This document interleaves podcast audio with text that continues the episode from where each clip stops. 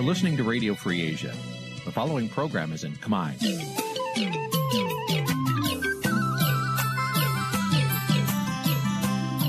Nǐ chi càm bi tiệp xáy vệt chiu a zì sê ray នេះជាកម្មវិធីផ្សាយរបស់ Vithu Azisari ជាភាសាខ្មែរ វត្តឈូអាស៊ីសេរីសូមស្វាគមន៍លោកអ្នកនាងទាំងអស់ពីរដ្ឋធានី Washington នៃសហរដ្ឋអាមេរិក បាទ ពីរដ្ឋធានីវ៉ាស៊ីនតោនខ្ញុំបាទសេកបណ្ឌិតសូមជម្រាបសួរអស់លោកអ្នកនាងកញ្ញាទាំងអស់ជាទីមេត្រីបាទយើងខ្ញុំសូមជូនកម្មវិធីផ្សាយរបស់វិទ្យុអេស៊ីសេរីសម្រាប់ព្រាត្រីថ្ងៃសុក្រ11កើតខែចេសឆ្នាំខាចត្វាស័កពុទ្ធសករាជ2566ត្រូវនៅថ្ងៃទី10ខែមិថុនាគ្រិស្តសករាជ2022បាទជាបន្តទៅទៀតនេះសូមអញ្ជើញអស់លោកអ្នកនាងស្ដាប់ព័ត៌មានប្រចាំថ្ងៃដែលមានមេតិការដូចតទៅ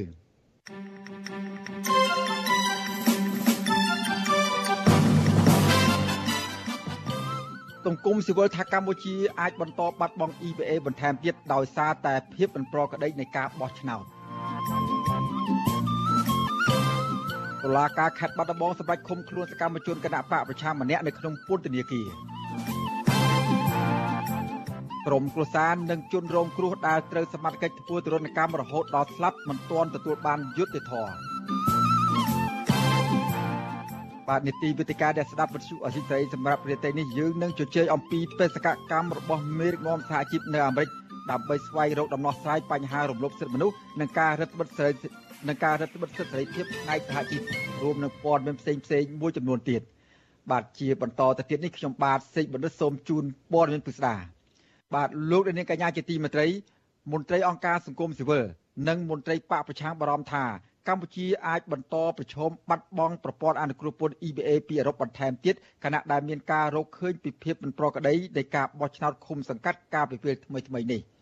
បាទពួកគេជំរុញឲ្យមានការកែលម្អឡើងវិញដើម្បីផ្ដល់ផលប្រយោជន៍ដល់ជាតិនិងធ្វើឲ្យការបោះឆ្នោតមានភាពសេរីត្រឹមត្រូវនិងយុត្តិធម៌បាទទោះយ៉ាងណាក្តីមន្ត្រីជាន់ខ្ពស់រដ្ឋាភិបាលនៅតែអះអាងដដែលដដែលថាការសម្រេចបែបណារបស់អឺរ៉ុបជាសិទ្ធិរបស់គេ ចំណែកការបោះឆ្នោតគឺស្ថិតនៅក្នុងការគ្រប់គ្រងនៃដែនសមត្ថកិច្ចរបស់កម្ពុជា បាទពីរដ្ឋធានីវ៉ាស៊ីនតោនអ្នកស្រីម៉ៅសុធីនីរាយការណ៍ជុំវិញព័ត៌មាននេះក្រុមអង្គការសង្គមស៊ីវិលចំនួន5ស្ថាប័នរកឃើញថាការបោះឆ្នោតជ្រើសរើសក្រុមប្រឹក្សាឃុំសង្កាត់អាណត្តិទី5នេះនៅមិនទាន់មានភាពល្អប្រសើរនៅឡើយហើយបញ្ហាភាគច្រើនគឺបង្កឡើងដោយអាជ្ញាធរមូលដ្ឋាន និងកងកម្លាំងប្រដាប់អាវុធ របាយការណ៍របស់អង្គការសង្គមស៊ីវិលចុះផ្សាយកាលពីថ្ងៃទី7ខែមិថុនាកន្លងទៅនេះបានឲ្យដឹងថាកាលពីថ្ងៃបោះឆ្នោតថ្ងៃទី5មិថុនាកន្លងទៅអាជ្ញាធរមូលដ្ឋានមេភូមិមេឃុំមន្ត្រីនគរបាល មានវត្តមាននៅបរិវេណការិយាល័យបោះឆ្នោតរងចាំកត់ឈ្មោះអ្នកបោះឆ្នោតចំណាយបរដ្ឋមួយចំនួនមិនអាចទៅបោះឆ្នោតបានដោយសាររោគឈ្មោះរបស់ខ្លួនមិនឃើញនៅក្នុងបញ្ជីបោះឆ្នោត របាយការណ៍ដដែលក៏បានឲ្យដឹងដែរថាដំណើរការនៃការរាប់សន្លឹកឆ្នោត គឺធ្វើឡើងដោយបិទបាំងខ្វះដំណាភាព ដោយការចល័យខ្លះបានបិទទ្វារនិងបិទបង្អួចក្រៅពីនេះមានការរារាំងមិនអោយអ្នកសង្កេតការចូលរួមសង្កេតមិនអោយមានការថតដំណើរការរាប់សន្លឹកឆ្នោត និងមិនអនុញ្ញាតឲ្យប្រជាពលរដ្ឋអាចតាមដាននៃការរាប់សន្លឹកឆ្នោតជាដើម ក្រៅពីនេះការចល័យខ្លះទៀតក៏មិនបានបំពេញព័ត៌មាន ដែលបានកំណត់ដោយច្បាប់បទបញ្ជានីតិវិធី អំពីលទ្ធផលនៃការរាប់សន្លឹកឆ្នោតតាមទម្រង់1102ដែលបានបិទនៅមុខការិយាល័យបោះឆ្នោតអ្នកនាំពាក្យសមាគមការពារសិទ្ធិមនុស្សអាត់ហុកលោកសឹងសានការណាព្រួយបារម្ភថាសហភាពអឺរ៉ុបអាចនឹងចាត់វិធានការឬក៏ដាក់សម្ពាធលើរដ្ឋាភិបាលកម្ពុជា ពីព្រោះមុនការបោះឆ្នោតសភាសហភាពអឺរ៉ុបបានប្រមានរួចហើយថាបើការបោះឆ្នោតនេះមិនសេរីត្រឹមត្រូវនឹងយុត្តិធម៌ទេ សភាអឺរ៉ុបនឹងស្នើឲ្យគណៈកម្មការអឺរ៉ុបដកហូតប្រព័ន្ធអនុគ្រោះពន្ធ EBA ពីកម្ពុជាបន្ថែមទៀតចាមន្ត្រីសង្គមស៊ីវិលរូបនេះចង់ឲ្យស្ថាប័នបោះឆ្នោតកែលម្អការងាររបស់ខ្លួនឡើងវិញ យើងមានការព្រួយបារម្ភណាស់អំពីចំណាត់ការផ្សេងផ្សេងពីបណ្ដាប្រទេសលោកសេរីទាំងអស់ហ្នឹងមកលើប្រទេសកម្ពុជាពីព្រោះគប្បីភាគីពាក់ព័ន្ធទាំងអស់រួមទាំងពលរដ្ឋក្តីអ្នកនយោបាយក្តីរួមទាំងគណៈបកនយោបាយដែលប្រកួតប្រជែងឬក៏មិនទាន់ប្រកួតប្រជែងហ្នឹងគួរគិតគូររៀបចំនៃប្រព័ន្ធបោះឆ្នោតនឹងឲ្យល្អប្រសើរជាងនេះដើម្បីបញ្ចប់នៅការបោះឆ្នោតមួយដែលមានប្រព័ន្ធមិនត្រឹមត្រូវហើយធ្វើឲ្យរងការរិះគន់បែបហ្នឹងបន្តទៀត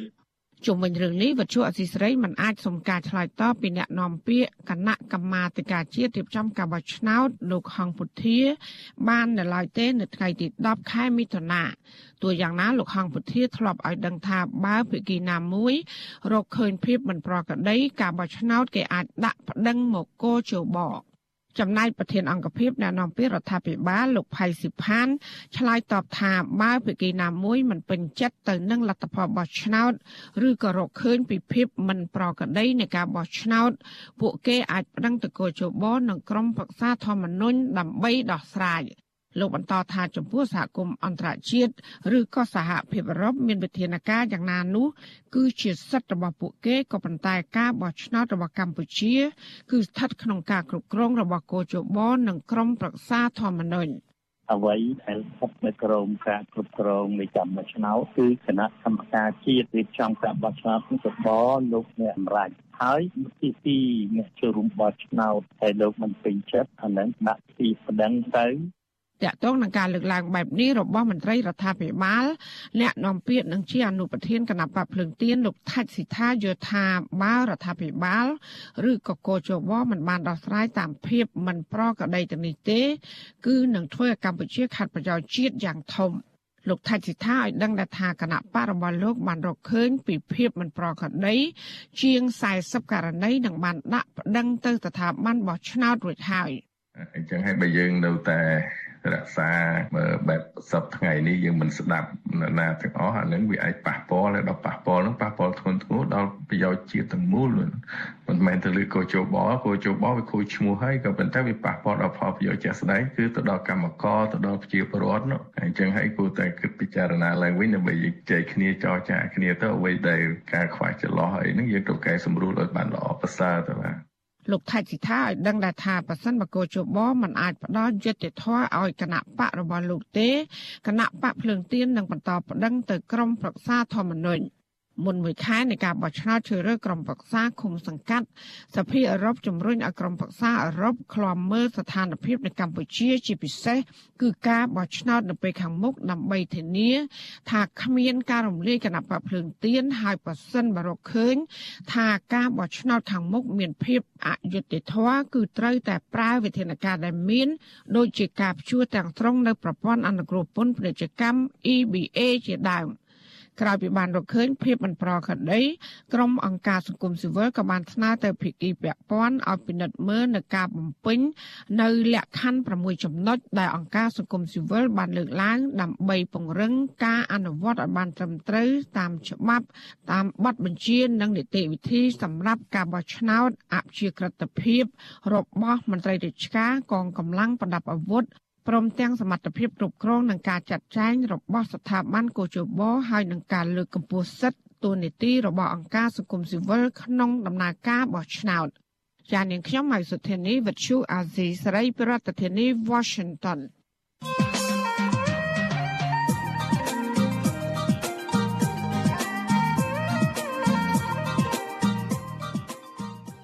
បាទលោកដេនេះកញ្ញាជាទីមេត្រីលោកដេនេះកំពុងតាមដានស្ដាប់ការផ្សាយរបស់វិទ្យុអេស៊ីសេរីពីរដ្ឋធានីវ៉ាស៊ីនតោនសហរដ្ឋអាមេរិកបាទតំណាងមេដឹកនាំសហជីពកម្មករនិងក្រមសេដ្ឋកិច្ចក្រៅប្រព័ន្ធនៅកម្ពុជាមួយចំនួនកំពុងធ្វើទស្សនកិច្ចនៅសហរដ្ឋអាមេរិកដើម្បីចូលរួមមហាសន្និបាតលើកទី29របស់មេដឹកនាំសហភាពសហជីពនៅក្នុងសហរដ្ឋអាមេរិកនិងជួបជាមួយនឹងមន្ត្រីជាន់ខ្ពស់សំខាន់សំខាន់របស់រដ្ឋាភិបាលសហរដ្ឋអាមេរិក។ បាទពួកគាត់នឹងលើកពីបញ្ហារំលោភសិទ្ធិមនុស្សនិងការគំរាមកំហែងគ្រប់រូបភាពទៅលើកម្មករសហជីពក្នុងមហាសន្និបាតនោះបាទតើតំណាងដឹកមេដឹកនាំសហជីពកម្មករនិងក្រមសេដ្ឋកិច្ចក្រៅប្រព័ន្ធរំពឹងថានឹងទទួលបានលទ្ធផលយ៉ាងដូចម្តេចខ្លះនៅក្នុងដំណើរទស្សនកិច្ចនិងជំនួបជាមួយនឹងមន្ត្រីរបស់សហរដ្ឋអាមេរិកនោះបាទសូមលោកលៀងរងចាំស្ដាប់កិច្ចពិភាក្សាជុំវិញបញ្ហានេះនៅពេលបន្តិចទៀតនៅក្នុងនីតិវិទ្យាដែលស្ដាប់វិទ្យុអសីស្រី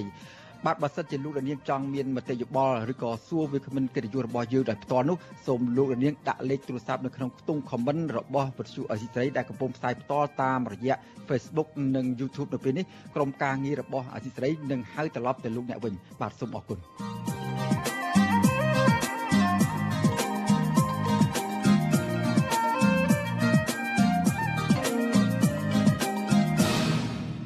បាទលោកនាងកញ្ញាជាទីមេត្រីនៅឯខេត្តបាត់ដំបងនៅវិញបាទតុលាការខេត្តបាត់ដំបងសម្រាប់ឲ្យឃុំខ្លួនសកម្មជនគណៈបកភ្លើងទៀនម្នាក់នៅក្នុងពន្ធនាគារពាក់ព័ន្ធនឹងការថតរូបបង្ហោះវីដេអូចោតក្រុមអាជ្ញាធរមូលដ្ឋានមួយក្រុមដែលគាំទ្រគណៈបកកណ្ដាលអំណាចដែលបានអង្គុយកត់ឈ្មោះប្រជាពលរដ្ឋទៅបោះឆ្នោតបាទមេធាវីរបស់សកម្មជនរូបនេះស្នើសុំឲ្យតុលាការទម្លាក់ចោលបទចោទប្រកាន់លើកូនក្តីរបស់ខ្លួនដោយហេតុផលថាលោកមិនបានប្រព្រឹត្តបទល្មើសប៉ះពាល់ធ្ងន់ធ្ងរដល់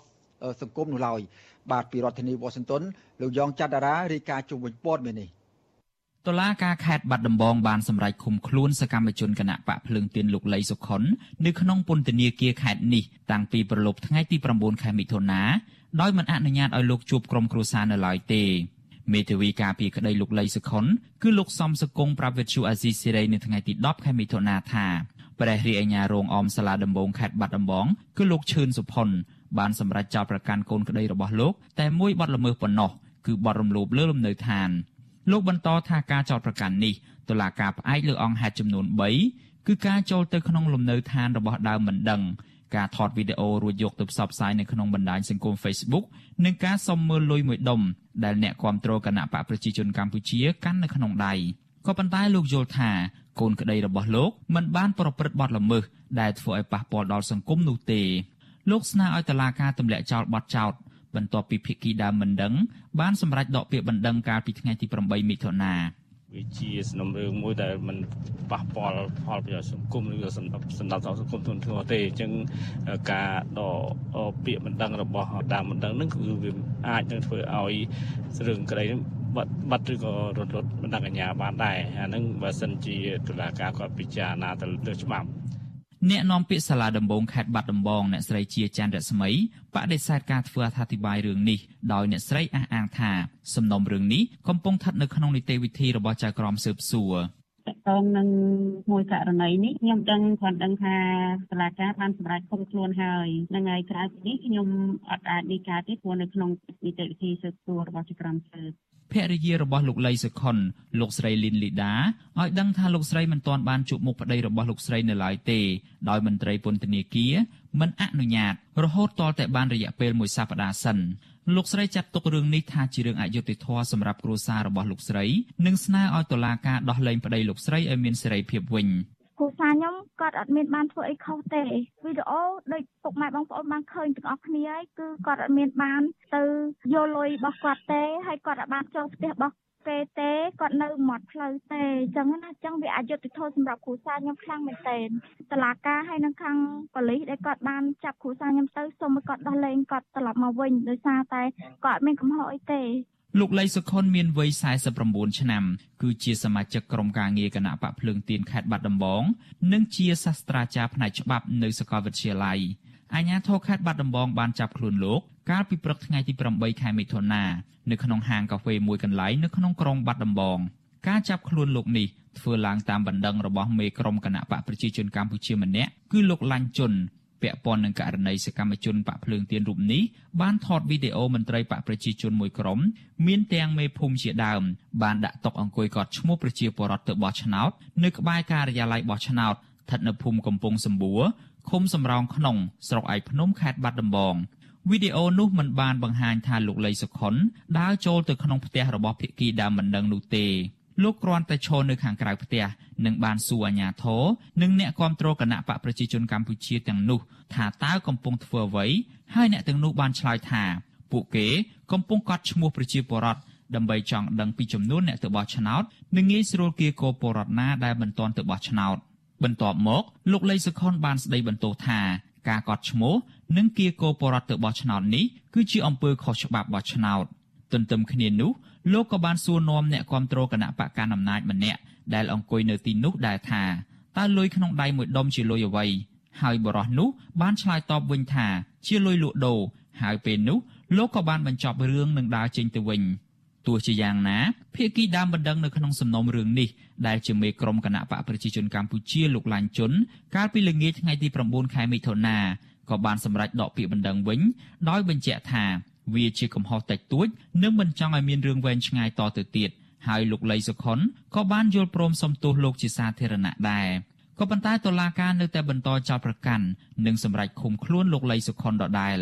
ជុំវិញរឿងនេះ អ្នកសម្របសម្រួលផ្នែកខ្លំមើលការរំលោភសិទ្ធិមនុស្សនៃអង្គការលីកាដូប្រចាំនៅខេត្តបាត់ដំបងគឺលោកអិនគង្ជិតមានប្រសាសន៍ថាករណីនេះជាសារគម្រាមកំហែងលើសកម្មជនបកប្រឆាំងដោយលើកយកករណីវិវាទនៅក្នុងសហគមន៍មកធ្វើជាអង្គហេតុវិញ។រឿង នឹងវាជាការគម្រាមកំហែងមួយធ្ងន់ធ្ងរទៅដល់សកម្មជននៃគណៈបកប្រឆាំងដែលគាត់បានចាប់បានចំណុចផោះតាងជាក់ស្ដែងណាហើយយើងមើលទៅអង្គើនឹងវាដូចជាវាអត់បានល្មើសអីទេដោយសារគាត់ដូចជាមិនបានទៅនៅចូលដល់ក្នុងផ្ទះគេផងមាត្រា299នៃក្រមព្រហ្មទណ្ឌអំពីបទរំលោភលើលំនៅឋានបានចែងថាអំពើប្រព្រឹត្តដោយមានហិង្សា ការបង្ខិតបង្ខំការគំរាមកំហែងឬអបាយកលចូលទៅក្នុងលំនៅឋានអ្នកដទៃនោះត្រូវផ្ដន្ទាទោសដាក់ពន្ធនាគារពី1ខែទៅ1ឆ្នាំ និងពិន័យជាប្រាក់ពី1សែនរៀលទៅ2លានរៀលលើកលែងតែក្នុងករណីដែលច្បាប់អនុញ្ញាតគណៈបកប្រឆាំងនៅអង្គការសង្គមស៊ីវិលរិះគន់ធ្ងន់ធ្ងរចំពោះករណីនេះថាជារឿងមិនត្រឹមត្រូវនោះទេ ដែលអាជ្ញាធរចាប់ខ្លួនលោកលីសុខុនដែលជាសាក្សី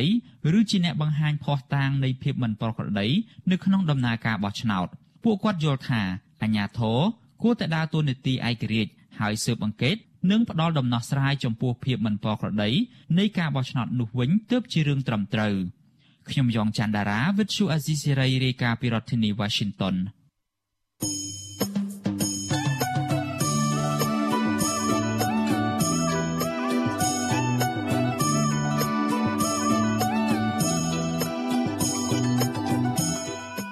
បាទលោកនាងកញ្ញាជាទីមេត្រីលោកនាងកំពុងតាមដានស្ដាប់ការផ្សាយរបស់វិទ្យុអេស៊ីសេរីពីរដ្ឋធានីវ៉ាស៊ីនតោនសហរដ្ឋអាមេរិកបាទក្រៅពីលោកនាងស្ដាប់ការផ្សាយរបស់យើងខ្ញុំតាមរយៈបណ្ដាញសង្គមមាន YouTube និង Facebook នោះលោកនាងក៏អាចស្ដាប់ការផ្សាយរបស់វិទ្យុអេស៊ីសេរីតាមរយៈរលកធាតុអាកាសខ្លីឬ Shortwave តាមកម្រិតនិងកម្ពស់ដូចតទៅនេះបាទពេលព្រឹកចាប់ពីម៉ោង5កន្លះដល់ម៉ោង6កន្លះតាមរយៈរលកធាតុអាកាសខ្លី12140 kHz ស្មើនឹងកម្ពស់ 25m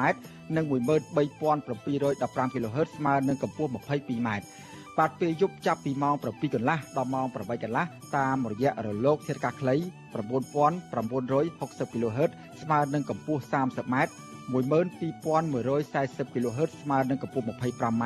និង11885 kHz ស្មើនឹងកម្ពស់ 25m បាទសូមអរគុណ បាទលោកនាងជាទីមេត្រីឥឡូវនេះក៏លេខបំមើស្ថានភាពរបស់ក្រមគឧតកោនៃបលបែងកាស៊ីណូ Naga World វិញម្ដងបាទអាជ្ញាធរក្រុងភ្នំពេញរាប់រយនាក់នៅរសៀលថ្ងៃទី10ខែមិថុនានេះបានប្រើអំពើហិង្សារុញច្រាននិងបង្ខំឲ្យក្រុមកុតកោ Nagawal ជិត80នាក់ឡើងរថយន្តក្រុងដឹកយកទៅទម្លាក់ចោលនៅអាគារទីក្រុងភ្នំពេញដោយសពដង ដោយបង្ក្រាបមិនឲ្យតវ៉ានៅក្បែរអាគារក្រុមហ៊ុននោះឡើយ បាទក្រុមកោតកោនៃក្រុមហ៊ុន Casino Nagawal គឺកញ្ញាច័ន្ទណារឿនប្រាប់បទសុអាស៊ីសេរីមុនការផ្សាយនេះបន្តិចថាអាញាធរបានទាត់កញ្ញាពីក្រោយ នៅពេលដែលកំពុងឡើងរថយន្តក្រុង បាទកញ្ញាថាការប្រើអំពើហិង្សាបែបនេះគឺជារឿងអយុត្តិគឺជារឿងអមនុស្សធម៌និងមិនអាចអត់ឱនឲ្យបានឡើយហើយខ្ញុំទៅធ្វើកោតកម្មទាមទារឲ្យមានផាជីពនៅកន្លែងធ្វើការ ហើយអាជ្ញាធរហ្នឹងគាត់អត់តែពួកខ្ញុំចេញធ្វើកោតកម្មទេណាគាត់ហ្នឹងគឺទាមឲ្យពួកខ្ញុំហ្នឹងឡើងឡានក្រុងហើយឡើងឡានក្រុងចឹងអត់មានដំណោះស្រាយទេទីខ្ញុំហ្នឹងក៏ដើរទៅតែគ្មានក៏យើងឡើងឡានទៅហើយបដមហ្នឹងគឺមានអាជ្ញាធរស្រីហ្នឹងគាត់ចាប់ដៃខ្ញុំហើយខ្ញុំថាលេងដៃខ្ញុំទៅខ្ញុំឡើងឡានហើយក៏មានខាងអាជ្ញាធរគាត់មកពីក្រោយទៅគាត់តាមជង្គង់ហើយគាត់ក៏ទៅបាត់កន្លែងមើលខ្ញុំអត់ដឹងថាគាត់ជាឯកសណ្ឋានអាជ្ញាធរហើយគាត់ មកប្រើរបៀបចង់វាយឆ្មក់លើពួកខ្ញុំជានារីនេះបាទស្របពេលដែលក្រមគុតកោរួមគ្នាតវ៉ាប្រមាណជាង5ខែកន្លងមកនេះការចរចាជាច្រើនលើកច្រើនសាររវាងភាគីសហជីពតំណាងបុគ្គលិកកម្មករនិងភាគីក្រុមហ៊ុន Casino Nagawal នៅតែគ្មានដំណោះស្រាយដដែលបាទក្រុមហ៊ុននៅតែបន្តបដិសេធមិនព្រមទទួលយកបុគ្គលិកឲ្យចូលធ្វើការវិញចំនួនជិត200នាក់ ក្រោមហេតុផលថាក្រុមហ៊ុនមានបុគ្គលិកច្រើនលើសតម្រូវការភាគីទាំងពីរគ្រងជួបចរចាគ្នាជាថ្មីទៀតនៅថ្ងៃពុធទី22ខែមិថុនាខាងមុខនេះបាទការជួបជុំតវ៉ាកន្លងមកនេះក្រមកោតកោមិនត្រឹមតែមិនទទួលបានដំណោះស្រាយសមរម្យនោះទេប៉ុន្តែថែមទាំងទទួលរងអំពើហិង្សានិងការធ្វើទុកបុកម្នេញពីអាជ្ញាធរក្រុងភ្នំពេញជាហោហែក្រមកោតកោអះអាងថាពួកគេនៅតែបន្តតវ៉ាតទៅទៀតរហូតដល់មានដំណោះស្រាយសមរម្យ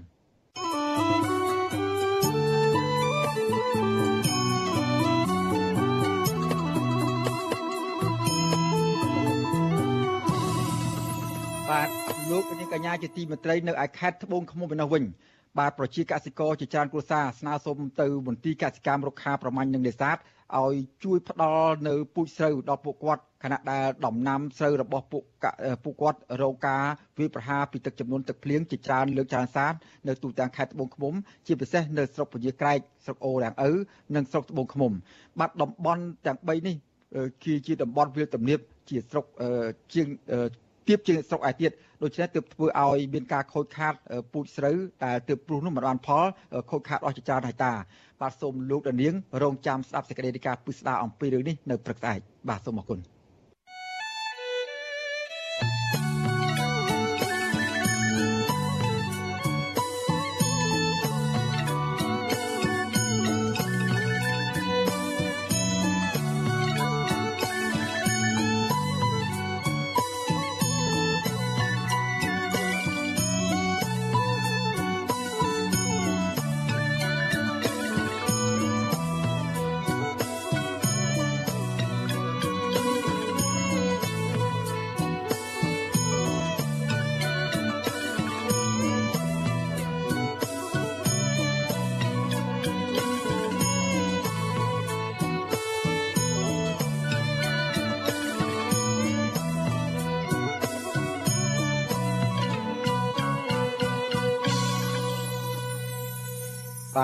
លោកនាងកញ្ញាជាទីមេត្រីសាច់ញាតិបរោះដែលស្លាប់ពេលដែលប៉ូលីស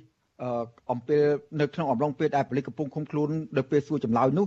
នៅអធិការឋាននគរបាលស្រុកសង្កែខេត្តបាត់ដំបងអះអាងថាមន្ត្រីជំនាញព្រមត្តនកម្រិតគុណនៃក្រសួងមហាផ្ទៃយឺតយ៉ាវនៅក្នុងការចេញសេចក្តីសម្រេចចុងក្រោយដើម្បីផ្ដល់យុត្តិធម៌ដល់ជនរងគ្រោះដែលបានស្លាប់កាលពីដើមខែមេសាឆ្នាំ2021កន្លងទៅ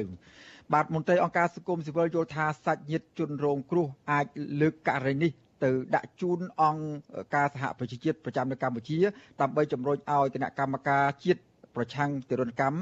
ស៊ើបអង្កេតរឿងនេះបន្ថែមទៀតបាទពីរដ្ឋធានីវ៉ាស៊ីនតោនលោកទីនសាការីយ៉ាមានសេចក្តីរាយការណ៍អំពីរឿងនេះ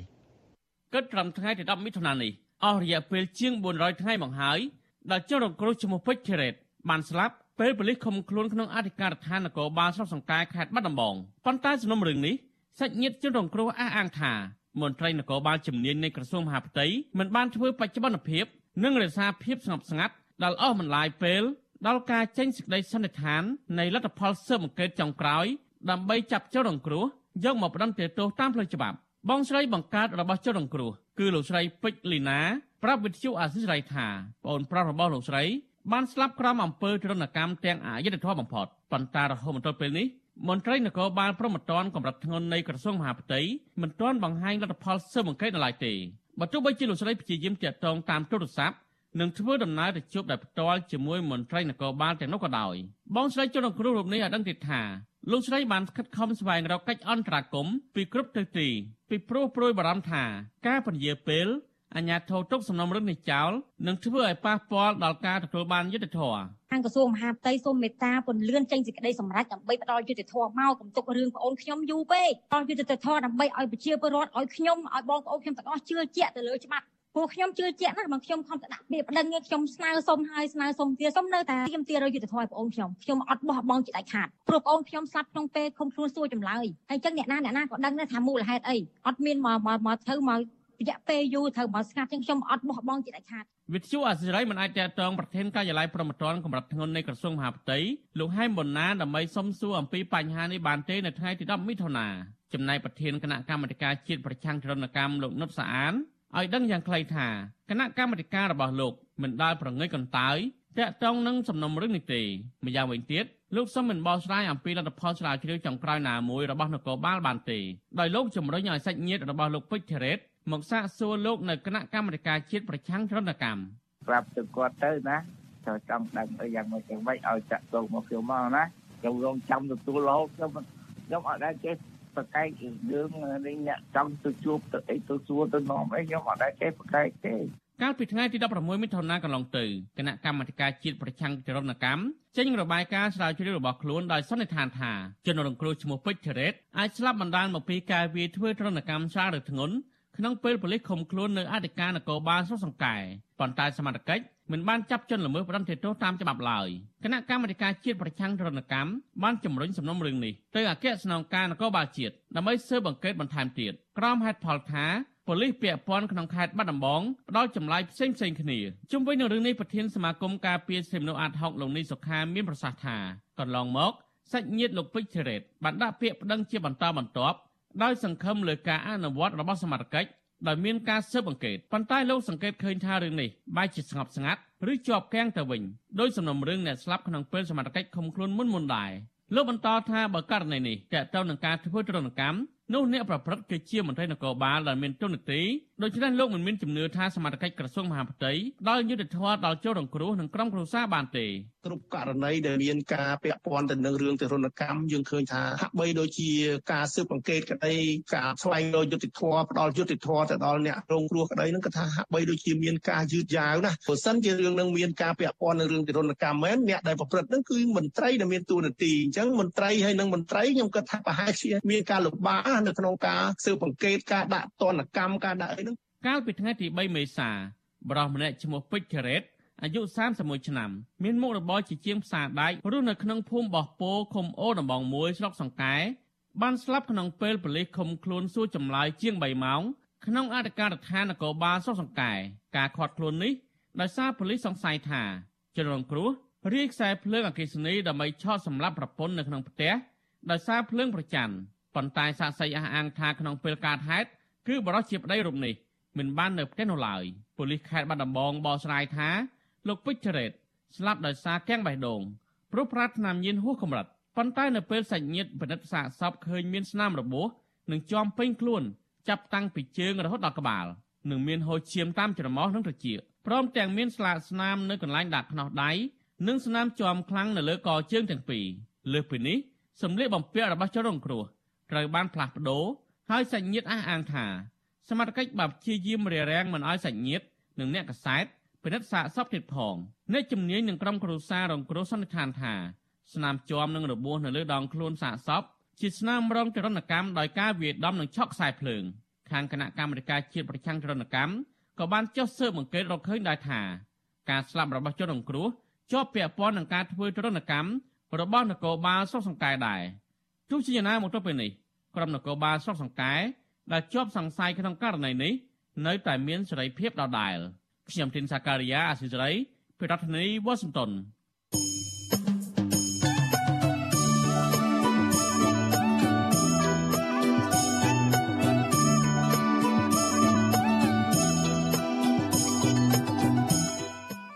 បាទលោកនាងកញ្ញាជាទីមេត្រីតំណាងមេដឹកនាំសហជីពកម្មករនិងក្រមសេដ្ឋកិច្ចក្រៅប្រព័ន្ធនៅកម្ពុជាមួយចំនួនកំពុងធ្វើទស្សនកិច្ចនៅសហរដ្ឋអាមេរិកដើម្បីចូលរួមមហាសន្និបាតលើកទី29របស់មេដឹកនាំសហភាពសហជីពនៅក្នុងសហរដ្ឋអាមេរិកនិងជួបជាមួយនឹងមន្ត្រីជាន់ខ្ពស់សំខាន់សំខាន់របស់រដ្ឋាភិបាលសហរដ្ឋអាមេរិកបាទពួកគាត់នឹងលើកយកបញ្ហារំលោភសិទ្ធិមនុស្សនិងការគម្រិតកំហែងគ្រប់រូបភាពទៅលើកម្មករនិងក្រមសហជីពនៅក្នុងមហាសន្និបាតនោះ។ បាទតើតំណាងមេដឹកនាំសហជីពនិងក្រមសេដ្ឋកិច្ចក្រៅប្រព័ន្ធរំពឹងថានឹងទទួលបានលទ្ធផលយ៉ាងដូចម្តេចខ្លះនៅក្នុងដំណើរទស្សនកិច្ចនិងជំនួបជាមួយនឹងមន្ត្រីរដ្ឋាភិបាលសហរដ្ឋអាមេរិកនេះបាទសូមលោកនាងរងចាំស្ដាប់កិច្ចពិភាក្សាជុំវិញបញ្ហានេះនៅក្នុងនីតិវិទ្យាអ្នកស្ដាប់វិទ្យុអសីស្រីនៅពេលបន្តិចទៀតនេះបើសិនជាលោកនាងមានបំណងចង់ចូលរួមជាមួយនីតិយើងឬក៏ចង់មាន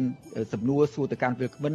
បើចេញមតិយោបល់ជុំវិញបញ្ហានេះសូមលោកនាងដាក់លេខទូរស័ព្ទនៅក្នុងខ្ទង់ comment របស់ផ្សាយផ្ទាល់នៅពេលនេះតាមបណ្ដាញសង្គម Facebook និង YouTube យើងខ្ញុំនឹងហៅត្រឡប់ទៅលោកអ្នកវិញបាទសូមអរគុណ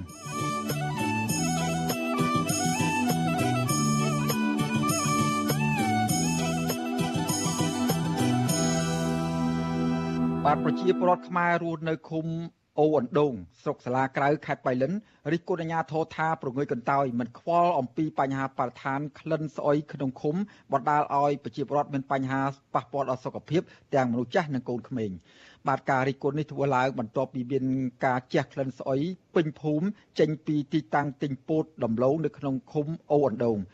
អង្គការសង្គមស៊ីវិលយល់ឃើញថាការជះក្លិនស្អុយនេះជាបញ្ហាសំខាន់ដែលត្រូវដោះស្រាយជាបន្ទាន់ព្រោះវាធ្វើឲ្យប៉ះពាល់ខ្លាំងដល់សុខុមាលភាពរបស់ប្រជាពលរដ្ឋបាទលោកលាននឹងបានស្ដាប់សេចក្តីរាយការណ៍ពិស្ដារអំពីរឿងនេះនាព្រឹកស្អែក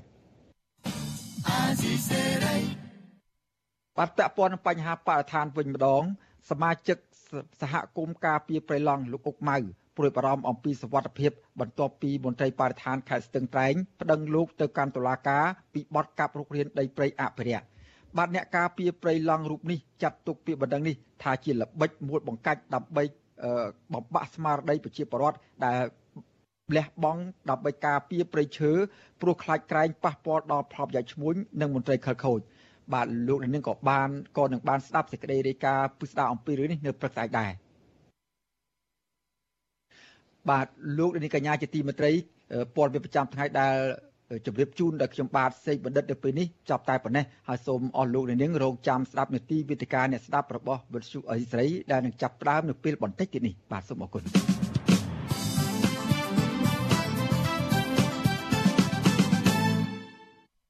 បាទលោកនាងកញ្ញាជាទីមេត្រីបាទតំណាង ក្រុមដឹកមេដឹកនាំសហជីពកម្មករនិងក្រុមហ៊ុនសេដ្ឋកិច្ចកៅប្រព័ន្ធនៅកម្ពុជាមួយចំនួនកំពុងធ្វើទស្សនកិច្ចនៅសហរដ្ឋអាមេរិកដើម្បីចូលរួមមហាសន្និបាតលើកទី29របស់មេដឹកនាំសហភាពសហជីពនៅក្នុងសហរដ្ឋអាមេរិកបាទនឹងជួបជាមួយក្រុមពួកគាត់នឹងក៏នឹងជួបជាមួយនឹងមន្ត្រីសំខាន់សំខាន់នៅក្នុងសហរដ្ឋអាមេរិកដើម្បីពិភាក្សានិងបង្ហាញអំពីទស្សនវិជ្ជាផ្សេងផ្សេងតាក់ទងនឹងការរំលោភសិទ្ធិមនុស្សនិង ការបំពីបំពេញទៅលើកម្មករហើយនឹងការរំលោភការគម្រាមកំហែងទៅលើក្រមសហជីពបាទពួកគាត់នឹងចូលរួមនៅក្នុងសន្និសីទសកលស្ដីអំពីសហជីពនៅក្នុងសហរដ្ឋអាមេរិកនេះដែលពួកគាត់នឹងលើកបញ្ហាសំខាន់សំខាន់អំពីទស្សនវិជ្ជានេះដើម្បីឲ្យមានការពិចារណានិងមានដំណោះស្រាយទៅលើការកម្រិតកំហែងអស់ទាំងនេះបាទវាគ្មានកិត្តិយសរបស់នេតិយើងនៅក្នុងរាត្រីនេះយើងនឹងមានលោកអាត់ធុនបាទលោកអាត់ធុនគឺជាប្រធានសហភាពការងារកម្ពុជាបាទ អឺហើយវាគ្មិនមួយទៀតគឺលោកវ៉ុនពៅលោកវ៉ុនទៅគឺលោកវ៉ុនពៅគឺជា ប្រធាន សមាគមសេដ្ឋកិច្ចក្រៅប្រព័ន្ធបាទហើយនឹងវាគ្មិនមួយរូបទៀតគឺកញ្ញាអុកសុភមូនិកា ដែលជាតំណាង សកម្មជននៃកម្មករ Nagawal ដែលនឹងឡើងមកពិភាក្សាអំពីបញ្ហាសហជីពនៅក្នុងប្រទេសកម្ពុជានិងបញ្ហាប្រឈមនានាបាទឥឡូវនេះយើងខ្ញុំបាទសូមជម្រាបសួរលោកវាគ្មិនទាំងពីរទាំង3រូបតែម្ដងពីចម្ងាយបាទបាទសូម ជម្រាបសួរបាទបាទបាទលោកស្រីបណ្ឌិតជម្រាបសួរបាទបាទបាទលោកទាំង3ទើបនឹងបល់មកដល់ទឹកដីសហរដ្ឋអាមេរិកនេះដំបូងមុននឹងចូលដល់កិច្ចពិភាក្សាចូលស៊ីជម្រៅទៅលើប្រធានបទដែលខ្ញុំបានជម្រាបពីខាងដើមនេះចង់ដឹងថាសុខទុក្ខការធ្វើដំណើរមកដល់សហរដ្ឋអាមេរិកនេះមានសុខទុក្ខយ៉ាងម៉េចហើយមានការចាប់អារម្មណ៍យ៉ាងម៉េចដែរនៅពេលដែលមកដល់ទឹកដីសហរដ្ឋអាមេរិកនៅពេលនេះបើតាមខ្ញុំដឹងនោះលោកវ៉ាន់ពៅបានមកដល់ទឹកដីសហរដ្ឋអាមេរិកនេះ ចំនួន2លើកមកហើយតើលោកមានការចាប់អារម្មណ៍ដែរយ៉ាងម៉េចដែរចំពោះការមកដល់លើកទី1នៅពេលនេះតើបាទ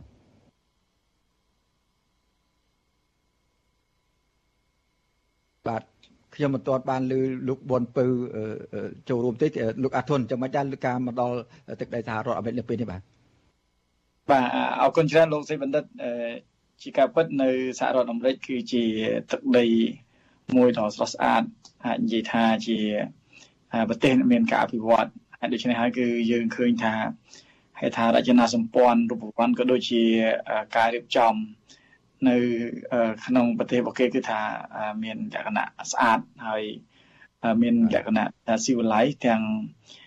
ប្រព័ន្ធគ្រប់គ្រងចរាចរណ៍ទាំងប្រព័ន្ធគ្រប់គ្រងនឹងការសាងសង់គៀឬស្អីផ្សេងៗគឺថាមានលក្ខណៈល្អដែល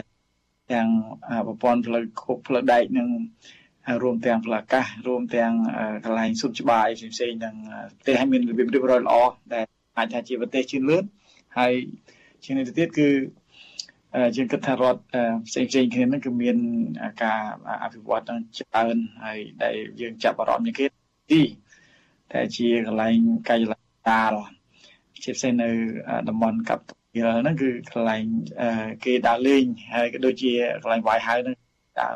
មកទស្សនកិច្ចនៅអាមេរិកគឺថាកន្លែងពីរនេះសំខាន់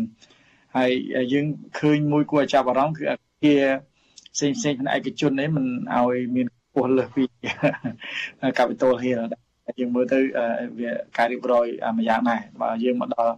កីឡាដាព្យានេះដូចជារៀងមានការសាងសង់ខ្ពស់ហើយខុសពីនៅខាងតំបន់ហ្នឹងទាំងជារួមគឺខ្ញុំគិតថា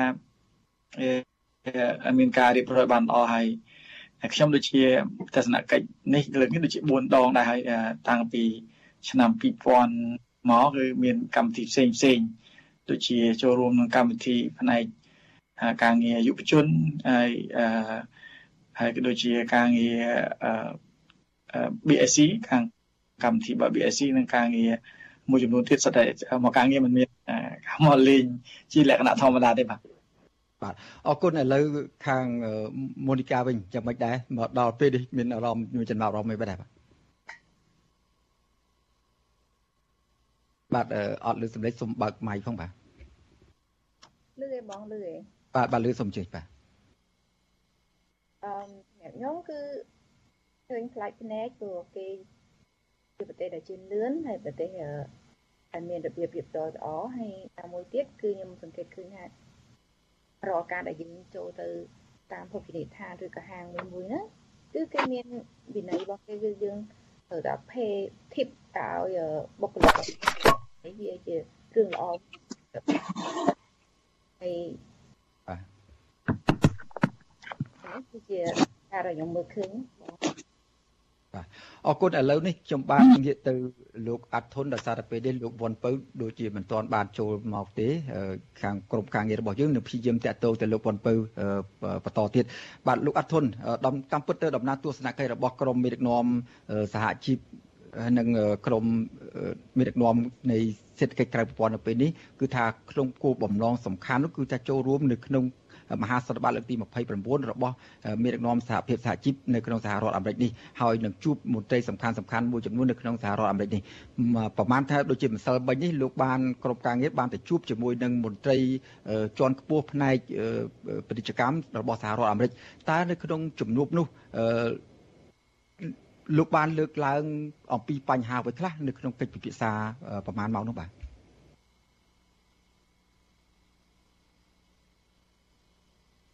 បាទលោកអាត់ធុនសូមសូមបើកមីក្រូហ្វូនបាទបាទបាទអរគុណបាទខ្ញុំជម្រាបសួរទៅដល់បងប្អូនជាតិដែរគឺថ្ងៃនេះគឺខ្ញុំមានសេចក្តីដែលបានចូលរួមនៅក្នុងទីផ្សាយផ្ទាល់នៅក្នុងកម្មវិធីវិទ្យុអស៊ីសេរីហើយ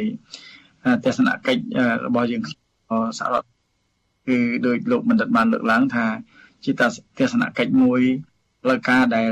ចូលរួមមហាសន្និបាតលើកទី29របស់ ALCIO ហើយក៏ដូចជាចូលរួមសន្និសិទផ្នែកការងារអន្តរជាតិនិយាយពីអធិបុលនៃការចងក្រងដើម្បីបង្កើនអំណាចកម្មករក្នុងពិភពលោកហើយក៏យើង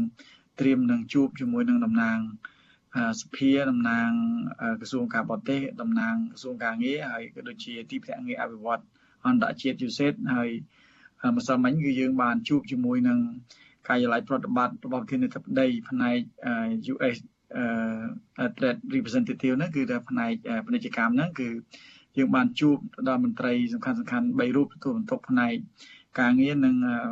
សេដ្ឋកិច្ចហើយទទួលផ្នែកពាណិជ្ជកម្មនិងវិនិយោគហើយទទួលផ្នែក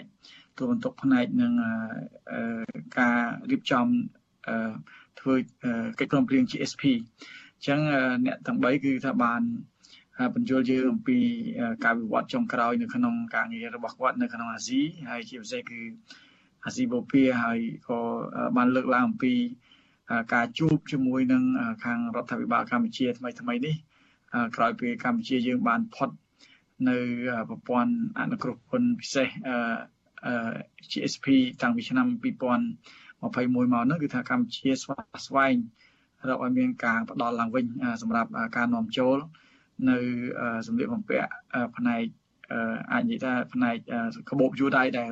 អាមេរិកទើបតែផ្ដល់ចូលនៅក្នុង GSP រយៈពេល4 3 4ឆ្នាំនេះហើយនៅក្នុងនោះដែរគឺខាងកម្ពុជារបស់យើងក៏បានជជែកភាសាអំពីការស្នើឲ្យបន្តឡើងវិញហើយរួមទាំងអឺឲ្យ big data នៅការបងពុនទាំងឡាយដែលបានផ្ដល់ទៅការបងពុនរយៈពេលជាង1ឆ្នាំនេះមកវិញផងដែរហើយ នៅក្នុងនោះក៏គាត់បានបញ្យល់អំពីការលើកឡើងរបស់ខាងសហរដ្ឋអាមេរិកទៅលើរដ្ឋាភិបាលកម្ពុជាណាពាក់ព័ន្ធអំពីបញ្ហារំលោភសិទ្ធិការងារឬក៏ជាទុតៃឬក៏ការវិវត្តចុងក្រោយនៅក្នុងដំណើរការផ្សេងផ្សេងជាពិសេសគឺការ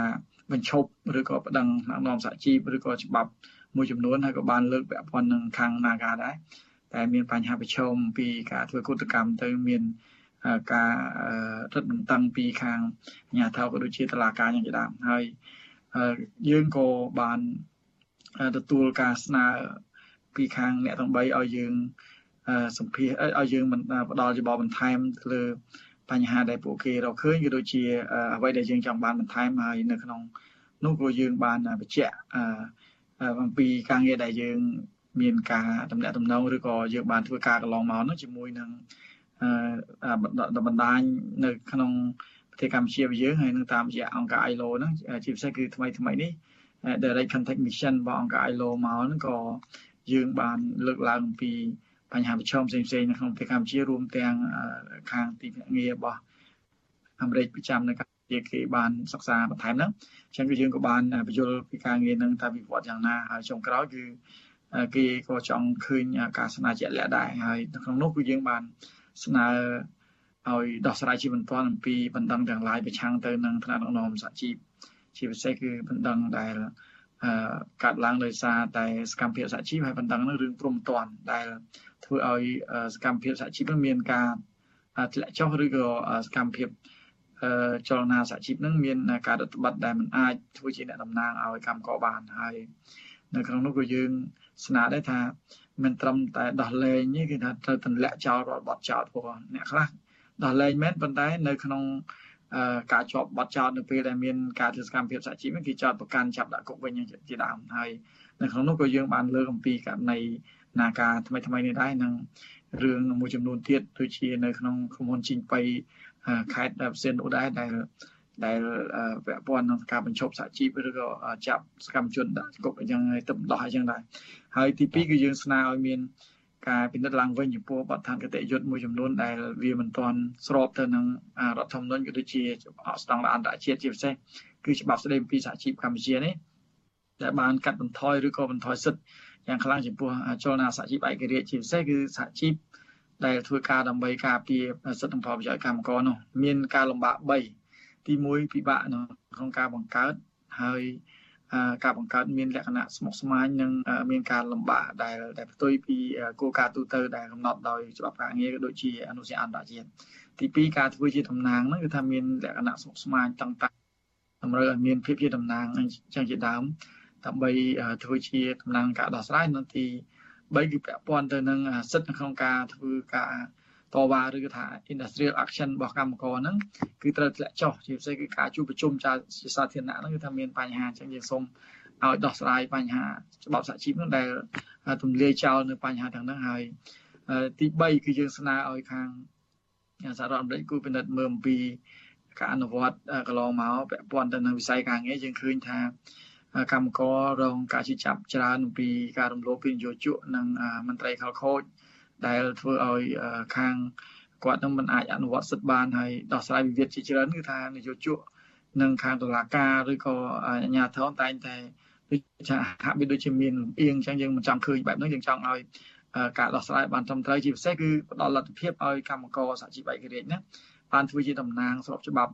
នៅក្នុងការដោះស្រាយវិវាទដើម្បីអស់ចិត្តមុនពេលដែលពួកគេត្រូវបានរងគ្រោះឬក៏ត្រូវបានចាត់ប្រកាន់ផ្សេងផ្សេងកុំឲ្យ មានតែការចាត់ប្រកាន់ពីខាងអាជ្ញាធរក៏ដូចជាខាងនយោជកហើយកម្មករជាប់គុកប៉ុន្តែតកែឬក៏អ្នកពាក់ព័ន្ធផ្សេងផ្សេងទៀតរួចខ្លួនហើយវាធ្វើឲ្យមានកាប់ចឹងជាដើមនេះគឺជាណាបន្ទាន់ហ្នឹងហើយក៏ដូចជាយើងតាំងឲ្យថាគាត់ថាគាត់នឹងចុះទៅស្រុកខ្មែរយើងនៅខែ8ខាងមុខនេះដើម្បីទៅបន្តពិនិត្យមើលទៀតនិង តាជាមួយនឹងស្ថាប័នពាក់ព័ន្ធជាពិសេសគឺក្រមពួកសហជីពយើងដែលតែពាក់ព័ន្ធវិស័យការងារហ្នឹងគឺត្រូវបានអញ្ជើញដើម្បីឲ្យចូលរួមនៅក្នុងការបញ្ចូលបន្ថែមហើយសូមបញ្ជាក់ផងដែរថាឯកសារគោលដែលស្នើដើម្បីសូម renew ឡើងវិញនៅកិច្ចព្រមព្រៀងពាណិជ្ជកម្ម GSP សហរដ្ឋអាមេរិកនិងកម្ពុជានេះគឺនៅក្នុងដៃពួកគាត់ហើយគាត់នឹង ដាក់ជូនទៅសភាដើម្បីនៅក្នុងការសម្រេចនៅក្នុងពេលខាងមុខនេះអញ្ចឹងថាតើសម្រេចយ៉ាងម៉េចហើយសម្រេច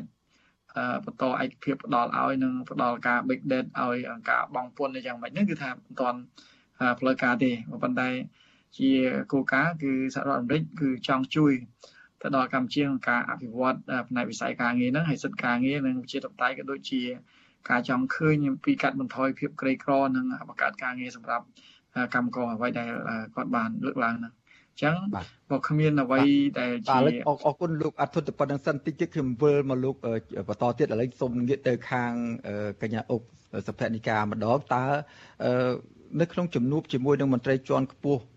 សហរដ្ឋអាមេរិកនៅប្រហែលថ្ងៃកន្លងមកនេះមុននឹងទៅដល់ចូលរួមនៅក្នុង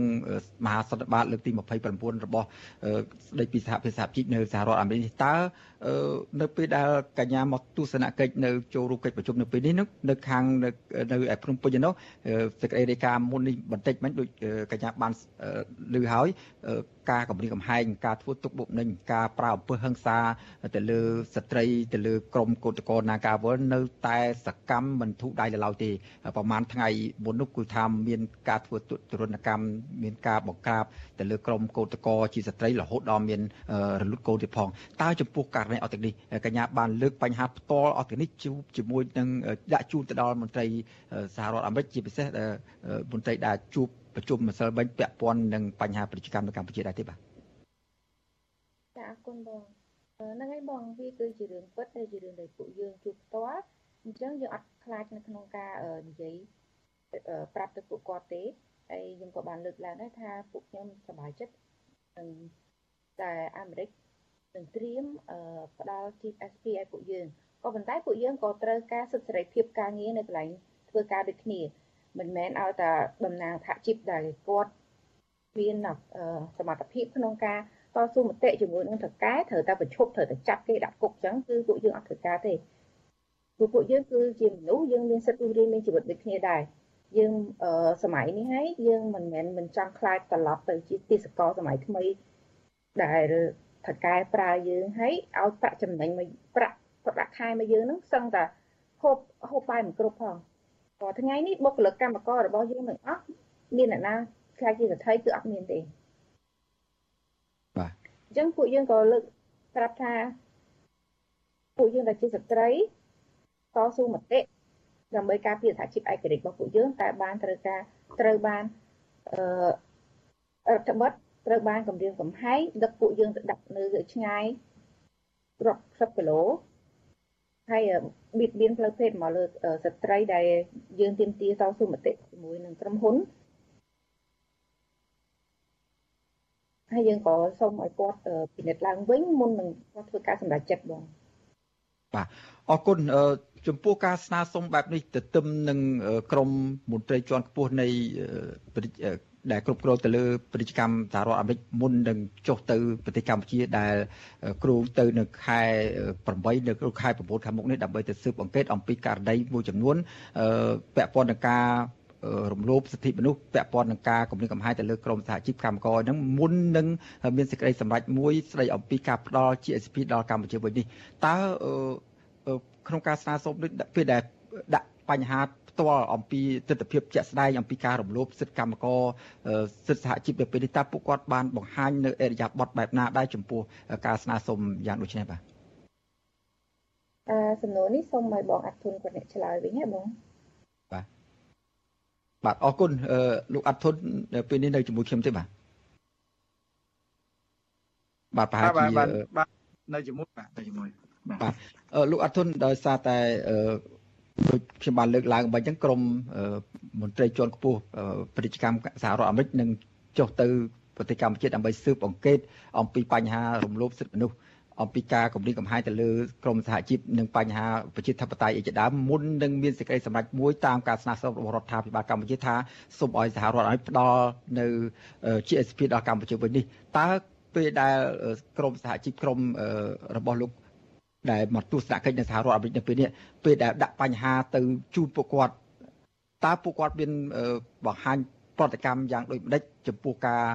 ដែលបានស្ដាប់អំពីការបញ្ហាមួយចំនួនដែលក្រមមានរំសាជីពបានលើកឡើងបង្ហាញទៅគាត់ហ្នឹងបាទដោយខ្ញុំបានបញ្ជាក់មកហើយថាសហរដ្ឋអាមេរិកការផ្ដល់ GSP ឬក៏ផ្ដល់កិច្ចព្រមព្រៀងពិសេសណាមួយជូនកម្ពុជាគឺផ្ដល់បូកជាមួយនឹងលក្ខខណ្ឌដែលយើងនៅចាំហើយថា អាមេរិកធ្លាប់ផ្ដល់ MFA ក្នុងឆ្នាំ2000ឆ្នាំ94ដល់ឆ្នាំ2004រយៈពេល10ឆ្នាំនេះវាបានជួយដល់ការបង្កើតការងារនិងកាត់បន្ថយភាពក្រីក្រច្រើនប៉ុន្តែក៏មានការវិវត្តចលនាការងារច្បាប់សហជីពច្បាប់ការសំទោសច្បាប់ការងារនិងការធ្វើការតវ៉ាអីផ្សេងៗបាននៅក្នុងឡុងពេលនោះហើយពេលថ្មីថ្មីនេះលក្ខខណ្ឌ GSP ថ្មីហ្នឹងក៏ មិនផ្លេចប្រហែលជាមិនមិនមិនមានអីគួរឲ្យចាប់អារម្មណ៍មានន័យថាបញ្ហាសិទ្ធិការងារត្រូវតែភ្ជាប់ជាមួយនឹងកិច្ចព្រមព្រៀងដូចគ្នាអញ្ចឹងនៅក្នុងនៃនេះវាខុសពីកិច្ចព្រមព្រៀងដែលកម្ពុជាចុះជាមួយចិនចុះជាមួយប្រទេសផ្សេងទៀតប៉ុន្តែនៅក្នុងនោះយើងដែរថានៅក្នុងការភ្ជាប់ជាមួយសិទ្ធិការងារវាមានសិទ្ធិនៅក្នុងការធ្វើការសិទ្ធិនៅក្នុងការទទួលមុខរបរសិទ្ធិនៅក្នុង ការទទួលបានលក្ខខណ្ឌការងារសមរម្យសិទ្ធិនៅក្នុងការប្រើប្រាស់សេរីភាពផ្សេងផ្សេងដែលមានចែងនៅក្នុងកិច្ចព្រមព្រៀងនោះគឺជាលក្ខខណ្ឌមួយតម្រូវដែលពេលបច្ចុប្បន្នគេកំពុងតែពិនិត្យមើលអំពីការវិវត្តចាស់ការវិវត្តចាស់មានន័យថាតើមានវិវត្តដល់កម្រិតណាទាំងការវិវត្តអំពីការរឹតបន្តឹងឬក៏កាត់បន្ថយសិទ្ធិអីផ្សេងៗរបស់សហជីពការវិវត្តរបស់ចលនាច្បាប់និងការ បង្កើតគោលការណ៍ផ្សេងផ្សេងហើយក៏ដូចជាការអនុវត្តជាក់ស្ដែងនោះទី1ទី2គេក៏ចង់ឃើញការតាំងចិត្តនិងបញ្ញាចិត្តថ្មីឬក៏បូអាចាស់បន្ថែមនឹងការសន្យាថ្មីទៀតរបស់រដ្ឋាភិបាលដែរមុននឹងគេត្រូវបានចុះកិច្ចព្រមព្រៀងថ្មីហើយជាការពិតគេមានបណ្ដាញគេច្រើនបើយើងតាមមើលទៅគឺគេមានបណ្ដាញផ្នែកការងារហ្នឹងផ្នែកសេដ្ឋកិច្ចផ្នែកនយោបាយផ្នែកអីច្រើនដែល មានឯកសារគ្រប់គ្រាន់ដើម្បីធ្វើកិច្ចព្រមព្រៀងជាមួយនឹងរដ្ឋាភិបាលកម្ពុជាក្នុងការផ្ដល់ឲ្យទោះបីជាមានការសន្យាថានឹងមានការពិនិត្យឡើងវិញនិងការផ្ដល់ឡើងវិញក៏គេមានលក្ខខណ្ឌនឹងការលើកឡើងលម្អិតនៅកន្លែងនេះប្រហែលជារដ្ឋាភិបាលដឹងច្រើនជាងព្រោះនៅក្នុងនោះគឺលក្ខខណ្ឌដែលរដ្ឋាភិបាលបានបញ្ជាក់ដូចជាអ្វីដែលគេបានលើកឡើងគឺច្បាស់ណាស់គឺថាគេចង់ឲ្យមានការវិវត្តនៅវិស័យការងារអញ្ចឹង ការចុះកិច្ចព្រមព្រៀងឡើងវិញនេះគឺខ្ញុំគិតថារដ្ឋាភិបាលគួរតែកែតម្រូវអំពីការអសកម្មផ្សេងផ្សេងតែមានកន្លងមកហើយជាក់ស្ដែងដូចរឿងនាការអញ្ចឹងมันគួរឲ្យមានការថ្នាំងថ្នាក់ឬក៏បង្កើតឲ្យមានបញ្ហាដែលជាឧបសគ្គទេរឿងទី1រឿងទី2ច្បាប់បទដ្ឋានអតិយុត្តហ្នឹងអង្គការ ILO ក៏ដូចជាខាងរដ្ឋាភិបាលកម្ពុជាបានជួបគ្នាដែរហើយពាក់ព័ន្ធទៅសហរដ្ឋអាមេរិកក៏មិនខុសគ្នាអំពីការលើកឡើង របស់តំណាងគេហៅថា Direct Contact Mission បេសកកម្មពិសេសរបស់អង្គការ ILO មកកម្ពុជាក្នុងចុងឆ្នាំ2021ដល់ឆ្នាំ2022ដែលដែលយើងបានធ្វើការរួមគ្នានឹងដែរគឺសុទ្ធតែជាការងារមួយដែលរួមអញ្ចឹងជារួមគឺខ្ញុំគិតថាកិច្ចព្រមព្រៀងពិតជាភ្ជាប់មួយកាតព្វកិច្ចនៅក្នុងការអនុវត្តប៉ុន្តែមិនមែនជាកាតព្វកិច្ចអីដែលលំបាកឲ្យយើងពិបាកទេគឺថាកាតព្វកិច្ចសុទ្ធតែជា ការផ្ដល់ប្រយោជន៍សម្រាប់សិទ្ធិសម្រាប់ប្រជាធិបតេយ្យសម្រាប់លក្ខខណ្ឌការងារនិងសម្រាប់ប្រសើរឡើងទាំងគេឈ្មោះមុខមាត់របស់រដ្ឋាភិបាលជាមួយនឹងក្រុមហ៊ុនជាមួយនឹងកម្មករមិនមែនមានន័យថាគេចង់ឃើញការរំលោភរបស់កម្មករមួយនៅក្នុងប្រទេសយើងឬក៏រំលោភជជក់ឬរំលោភរដ្ឋាភិបាលទេគឺមានថាចង់ឲ្យឃើញការវិវត្តនៅក្នុងប្រទេសហ្នឹងគឺថាមានការធានាឬការផ្ដល់ឲ្យមានលក្ខណៈផ្សាយបាទបាទអរគុណអឺ ចំណុចមួយដែលយើងគិតមើលថាគ្រប់គ្នាទាំងអស់សិតតែចង់ឲ្យសហរដ្ឋអាមេរិកផ្ដល់នៅប្រព័ន្ធអនុគ្រោះពន្ធ GSP នេះឡើងវិញពីព្រោះថាទំហំទឹកប្រាក់ការនាំចេញរបស់កម្ពុជាមកទឹកដីសហរដ្ឋអាមេរិកនេះមានចំនួនជាង180លានដុល្លារក្នុងមួយឆ្នាំមួយឆ្នាំ ក៏ប៉ុន្តែបើយើងកលេចទៅលើលក្ខខណ្ឌថាគេសូមឲ្យមានការកែតម្រង់ប្រព័ន្ធដឹកនាំការកែតម្រង់កុំឲ្យមានបរិយាកាសនយោបាយកែធ្វើឲ្យមានបរិយាកាសនយោបាយល្អប្រសើរធ្វើឲ្យការគោរពសិទ្ធិមនុស្សល្អប្រសើរឲ្យមានប្រជាធិបតេយ្យរស់ឡើងវិញកុំឲ្យមានការចោទប្រកាន់មានការធ្វើទុកបុកម្នេញទៅលើក្រមកម្មករក្រមសហជីពជាដើមក៏ប៉ុន្តែបើយើងកលេចទៅលើស្ថានភាពជាក់ស្ដែងនោះគឺអត់មាន ដូចមិនទាន់ឃើញមានការល្អប្រសើរប្រមាណទេដូចជាក្រមយើងដឹងហើយក្រម Nagawal នៅតែទទួលរងធ្វើទុកបុកម្នេញបណ្ដឹងទៅលើក្រមសហជីពលើកម្មករក៏មិនទាន់ដាច់ជ្រះស្រឡះទៅលើក្រមសិទ្ធិនោះក៏មិនទាន់ដាច់ស្រឡះដែរអញ្ចឹងអាការកែការទៀមទីឲ្យមានការកែតម្រង់នេះវាវាអត់អាចទៅមុខអញ្ចឹងតើសង្ឃឹមថាសហរដ្ឋអាមេរិកនឹងបន្ត GSP ដល់កម្ពុជាបើស្ថានភាពអស់ទៅនេះមិនទាន់បានកែតម្រង់នោះបាទខ្ញុំគិតថា អ្វីដែលកើតឡើងសុទ្ធតែជាសញ្ញាណមួយឧបសគ្គហើយអ្វីដែលវាកើតឡើងសុទ្ធតែជាការវិវត្តចុងក្រោយដែលអាចធ្វើបានទេក្នុងករណីដែលមន្ត្រីឬក៏ខាងរដ្ឋាភិបាលចង់ធ្វើខ្ញុំគិតថាអាចដោះស្រាយបានព្រោះវាមិនមែនជារឿងល្អប៉ុន្តែដូចខ្ញុំបានបញ្ជាក់ហ្នឹងយើងបានជជែកភាសាឲ្យថាអ្វីដែលសហរដ្ឋអាមេរិកចង់បន្តមកអកម្ពុជាគឺចង់បន្តដើម្បីជួយទៅដល់ ប្រជាពលរដ្ឋកម្ពុជាឲ្យមានការងារធ្វើឲ្យមានជំនាញក្នុងការធ្វើផ្នែកការងារច្បាស់លាស់ចង់កាត់បន្ថយភាពក្រីក្រចង់ជួយឲ្យមានការវិវត្តផ្នែកសិទ្ធិមនុស្សនិងប្រជាធិបតេយ្យនៅក្នុងប្រទេសកម្ពុជាដែលដែលសិតតែជាចំណុចសំខាន់នៃបេដូងដែលខុសពីកិច្ចព្រមព្រៀងផ្សេងផ្សេងដែលគឺគិតអំពី business និងចំណេញច្រើនជាងហើយការផ្ដល់នេះពួកខ្ញុំមិនច្រឡំទេតាមរយៈ GSP សហរដ្ឋអាមេរិកហ្នឹងគឺមាន ទឹកប្រាក់វាជិត4000លានដុល្លារនៅក្នុងមួយឆ្នាំមួយឆ្នាំហើយគាត់តែអឺ GSP បានបញ្ចូលផ្នែកកាបូបយួរដៃគ្រប់ប្រភេទចូលនៅក្នុង GSP នៅឆ្នាំ2017មកគឺកម្ពុជាយើងកើនឡើងពីវិស័យនេះគឺជិត1000លានដុល្លារនៃការនាំចូលមកសហរដ្ឋអាមេរិកដែលមានទំហំទឹកប្រាក់ចំណេញជាពន្ធនោះអាចថា3 400លានដុល្លារអញ្ចឹងវាច្រើនមែនទែនសម្រាប់ការវិវត្តកម្ពុជាអញ្ចឹងនៅក្នុងនេះគឺសូមបញ្ជាក់ថា អ្វីដែលវាកាត់ឡើងពេលបច្ចុប្បន្ននេះគឺគួរតែរដ្ឋាភិបាលពិនិត្យឡើងវិញខ្ញុំស្នើដល់ទទូចថាទីមួយត្រូវបញ្ចប់នៅការដោះស្រាយវិវាទនៅនាការនេះដោយយោងទៅលើច្បាប់ការងារជាធរមានឲ្យបញ្ចប់ដោយសន្តិវិធីកុំឲ្យមានការបន្តទៅវាមិនល្អទាំងការកិត្តិយសគេឈ្មោះរបស់រដ្ឋាភិបាលជាមួយនឹងកម្មករនឹងផងទាំងបង្ហាញទៅ សហរដ្ឋអាមេរិកឬក៏ប្រទេសមួយចំនួនផងអំពីការប្រឹងប្រែងរបស់ខាងរដ្ឋាភិបាលហើយយើងក៏ស្នើគ្រប់ភាគីទាំងនយោជកនិងរដ្ឋនិងកម្មករគួរតែរកចំណុចរួមមួយតែវាអាចចំណេញទាំងអស់គ្នាគុំប្រកាន់គ្នាទៅវិញទៅមកដាច់ខាតថាមិនឲ្យមាន ខាងសហជីពអីចឹងជាដើមព្រោះច្បាប់វាតម្រូវឲ្យប្រទេសកម្ពុជាជាប្រទេសមួយដែលប្រជាធិបតេយ្យយើងត្រូវការមានការបតិចម្រុះនៅក្នុងការងារក៏ដូចជាសិទ្ធិ កម្មករចឹងផងដែររួមទាំងសិទ្ធិរបស់គណៈបកនយោបាយប្រហែលជាយើងត្រូវដឹងទាំងអស់គ្នាអញ្ចឹងនៅក្នុងន័យនេះគឺយើងស្នើថាឲ្យគួរតែបញ្ចប់ដោយសន្តិវិធីដែលអាចទទួលយកបានទាំងអស់គ្នាហើយរឿងផ្សេងទៀតដែលពាក់ព័ន្ធបណ្ដឹងប្រឆាំងទៅនឹងមេដឹកនាំសហជីពក៏ដូចជាសកម្មជនសហជីពកន្លងមកដែលមានការនៅជាប់បណ្ដឹងឬក៏អ្នកខ្លះដោះឲ្យនៅក្រៅឃុំបើនៅជាប់បណ្ដឹងឬក៏ជាប់ការត្រួតពិនិត្យតឡាការគួរតែត្រូវបានដោះហើយ គឺកែប្រែឲ្យបានផ្សារឡើងអំពីគោលការណ៍ច្បាប់បទដ្ឋានគតិយុត្តថ្មីថ្មីហ្នឹងគឺថាឲ្យឲ្យវាផ្សារព្រោះខ្ញុំមើលទៅគឺមិនមែនតែ GSP របស់អាមេរិកទេសូម្បីតែ GSP EBA របស់សហគមន៍អឺរ៉ុបក៏បានពិនិត្យមើលអំពីការផ្ដល់ឲ្យឲ្យកែកែប្រែអំពីសិទ្ធិនយោបាយក៏ដូចជាអឺសិទ្ធិការងារនិងការធ្វើឲ្យប្រសើរឡើងនៅ ស្ថានភាពសិទ្ធិសង្គមនៅក្នុងប្រទេសកម្ពុជាផងដែរអញ្ចឹងវាអត់មានខាតទេហើយផ្ទុយទៅវិញគឺការដែលអនុវត្តបានល្អកែតម្រង់បានល្អធ្វើឲ្យផ្សើរឡើងធ្វើឲ្យចំណេញទៅគេឈ្មោះកម្ពុជាក៏ដូចជារដ្ឋាភិបាលនិងកម្មករទៅវិញទេបាទបាទអរគុណសូមងាកទៅខាងសុភមនីកាពេញម្ដងតើ កញ្ញាយល់ចំណុចដែរចំពោះសកម្មភាពផ្ទាល់របស់រដ្ឋាភិបាលបច្ចុប្បន្នពាក់ព័ន្ធទៅនឹងការចង់បានប្រព័ន្ធ GSP ត្រឡប់មកវិញនៅពេលនេះបាទអឺមកសម្រាប់ខ្ញុំខ្ញុំអឺមិនសូវជាដឹងរឿងនយោបាយប៉ុន្មានទេប៉ុន្តែខ្ញុំចង់ដឹងថាចង់ប្រាប់ថាគាត់គឺជា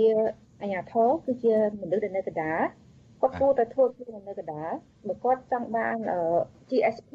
ពីព្រោះគេបានបញ្ជាក់ច្បាស់ហើយថាត្រូវតែឲ្យមានសេរីភាពសិទ្ធិការងារអឺ